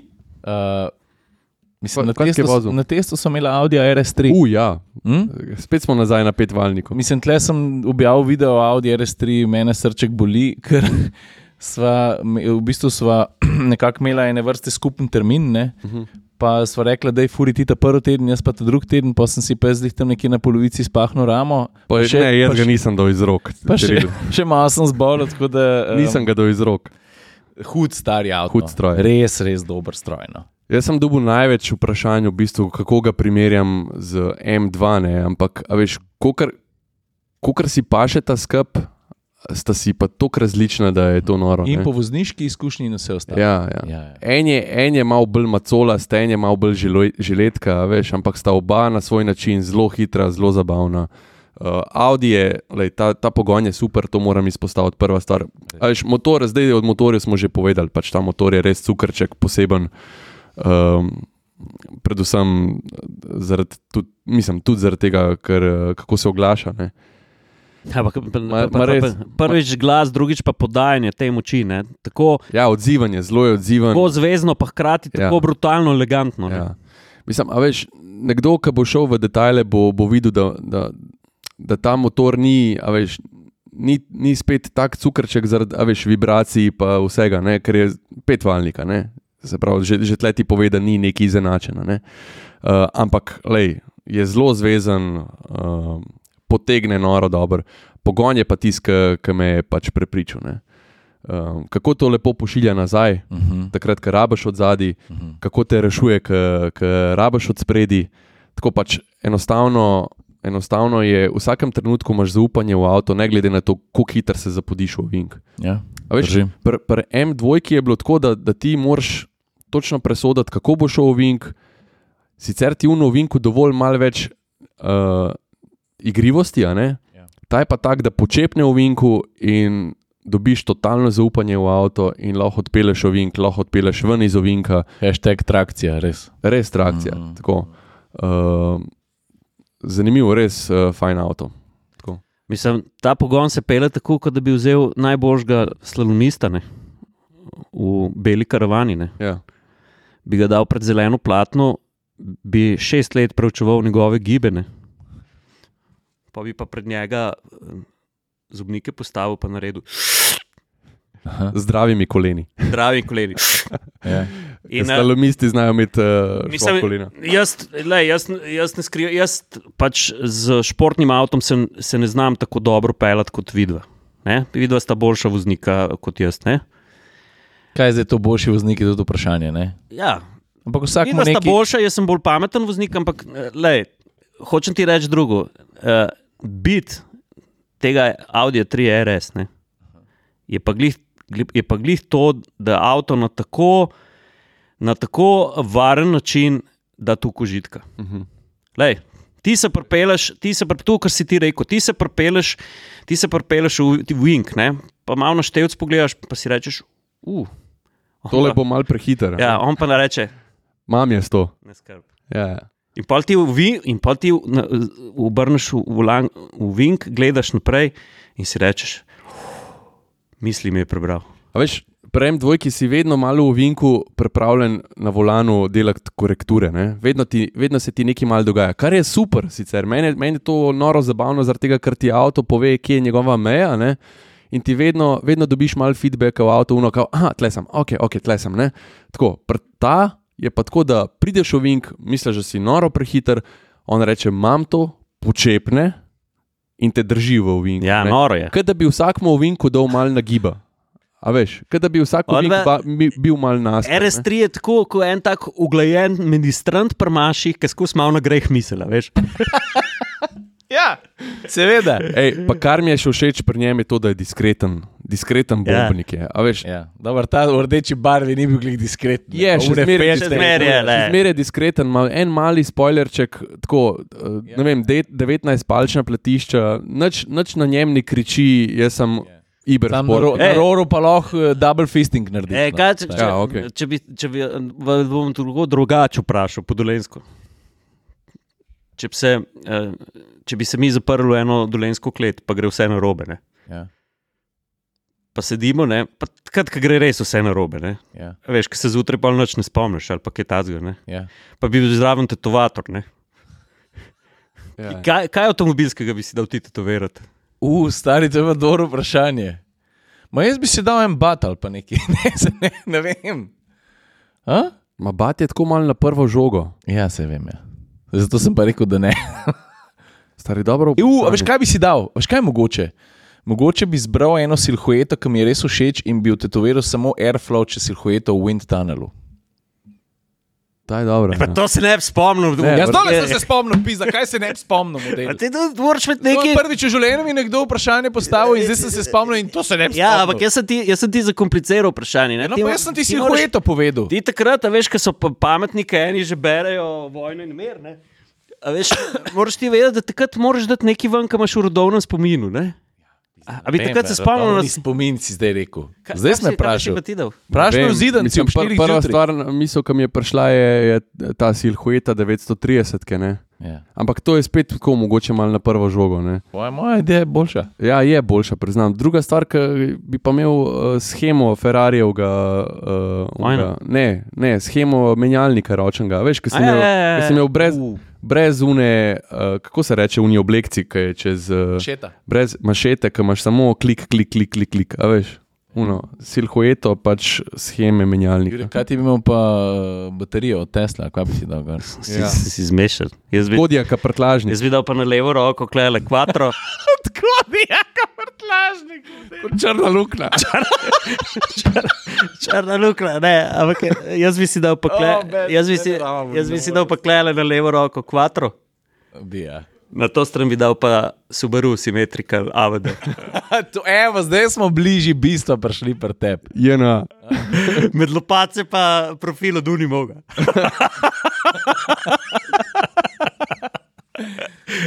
Čez trebuh pa prtlažnik od uh, Kodjaka. Kodjaka. Sixpack. Kjer frik si ti model? Ti si fričak. Ej. A ti šig, husa. Povedati, uh, Sam še en avto, sem, ne, znam, da bo to bo zdaj downer. Veš, Ga kaj je rekla Husa? Je rekla, da bi ležal, ker boš uh, se mogel na ketnu sesti.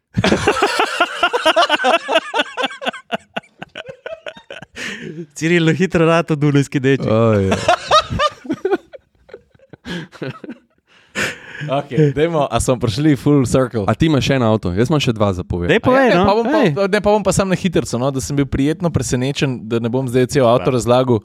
Uh, nad odzivnostjo pa uh, pogonskega sklopa v DS7.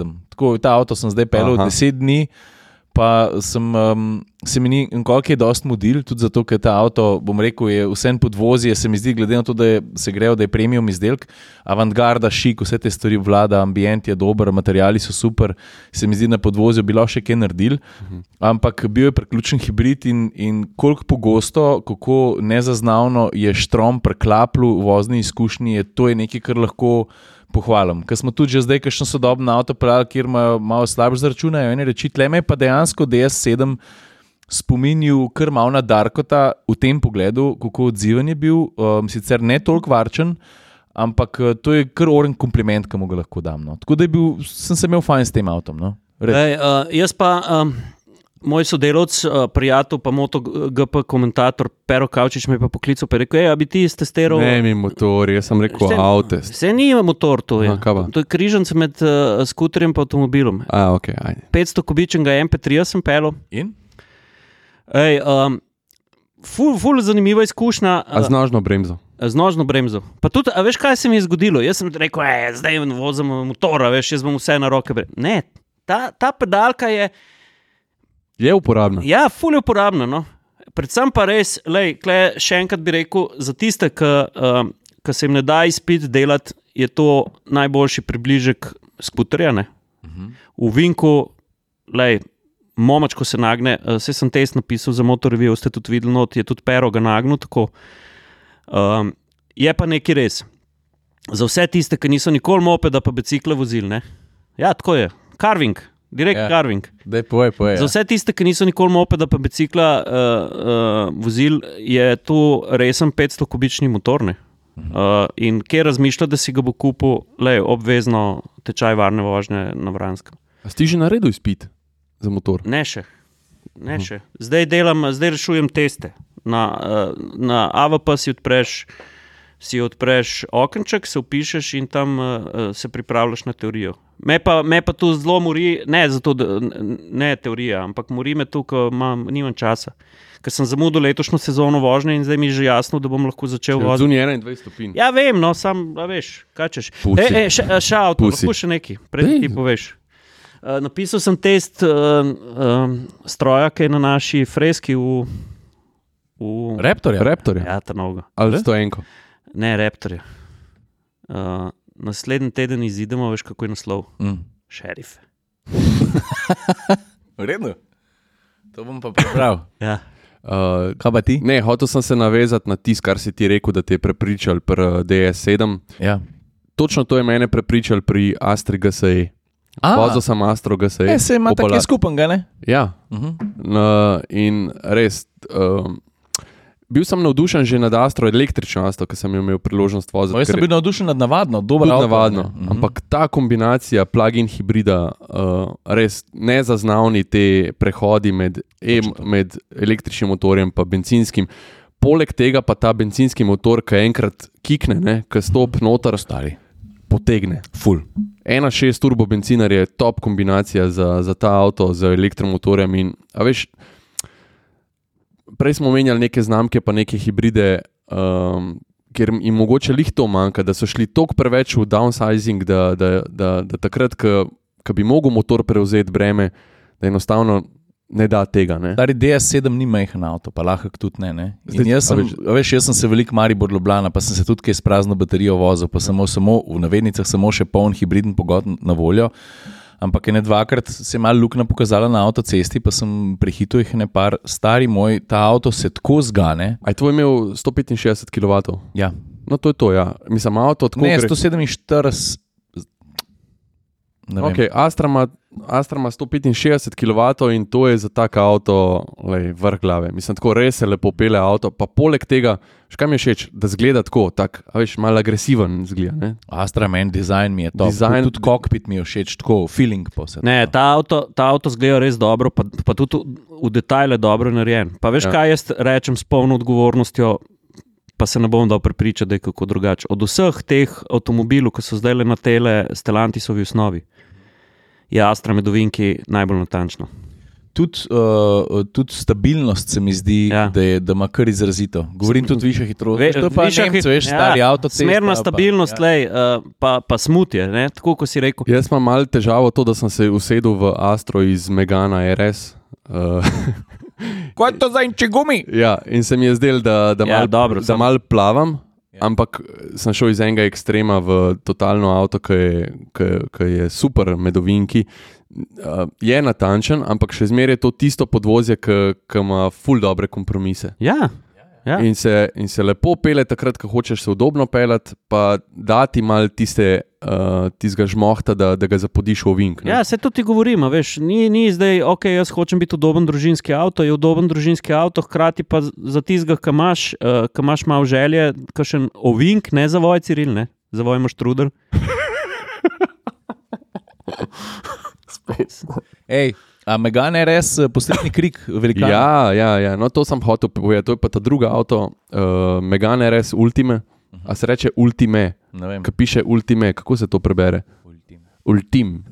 Zdaj. No, skratka, to je, to je odhajajoči Megan RS. Ne? To je v Zadnji, bistvu ne? slovo Megana RS, nasploh ne Megana RS, ampak slovo, uh, mislim, znamke RS. Kot ne? smo jo poznali. kot smo jo poznali. Zdaj ne bo več RS, zdaj bo vsi eh, športni modeli uh, Renaulta se bojo imenovali Alpino, dobili dobil bojo znako Alpin, ampak to je zadnji RS in zadnji Megana RS, kot sem rekel. A model za ciklo.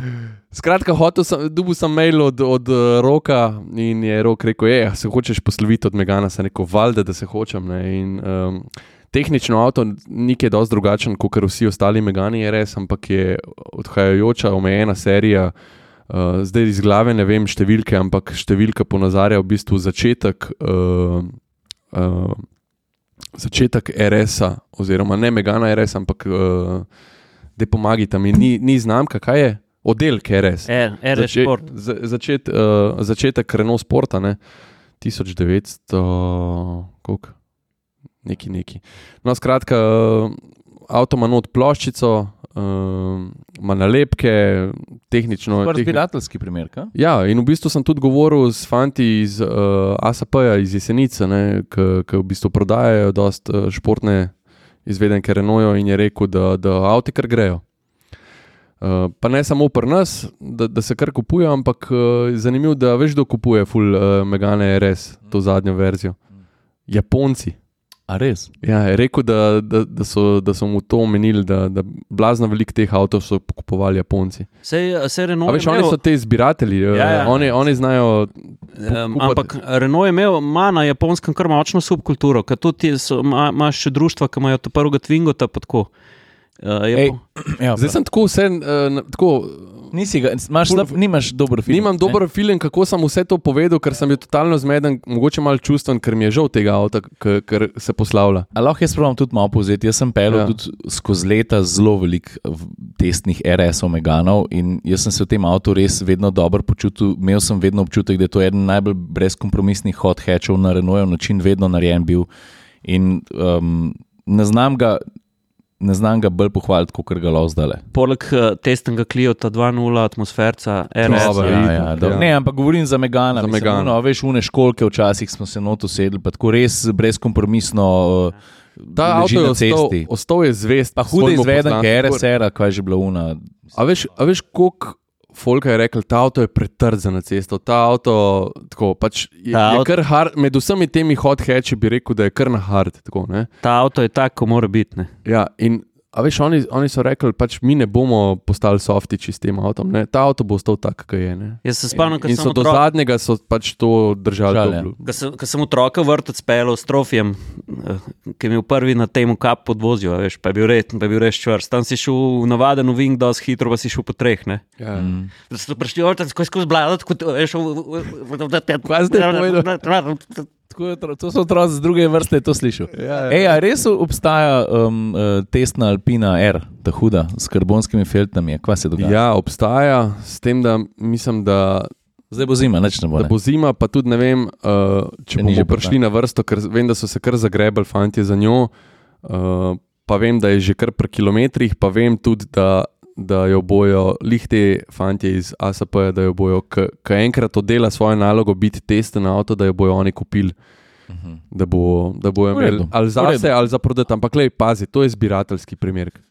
To je absolutno To zbiratelj. je al, lej, kjerkoli Alpina, folk se ne zaveda, da kjerkoli Alpina A110 je zbirateljski primer. Zdaj bomo Če je pa to, če je pa to R, je pa, pa sploh. Bomo, bomo pripekle uh, naše alpinino doživetje zraven. Ker vemo, kaj je znamka Alpina, Alpina vemo, kam gre Renault in Alpina. In, Ej, A če smo pri Noju, lahko jaz naredim še eno kratko zahvalo. Ej, stari, vzel si mi z jezika, hotel sem reči, da moramo zaključiti podcast z zahvalo za sodelovanje. Jaz, uh, rok, Rok. a ja, ja. rok. Meni uh, men je zelo žal, da ti greš iz avtomobilske, iz avtomobilske branže. Pa je pauza.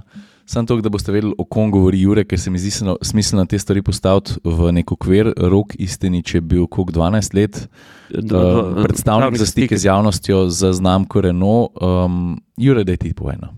Uh, on je en tistih PR-ovcev, ki ima avtomobile rad, ki ima rad avtomobile, ki so ga avtomobili zanimali, ki je razumel delo novinarja, ki je bil tudi sam novinar, ki mu nikoli ni bilo nič težko, ki smo skupaj preživeli veliko zanimivih kilometrov, veliko zanimivih podatkov izrihtov, veliko zanimivih kontaktov izrihtov. Tako da jaz rok te bom pogrešal, res. Pa hvala za vsa ta leta, pa hvala za vse priložnosti, pa hvala, ker si vedno bil en tisti slovenski pomol v Parizu.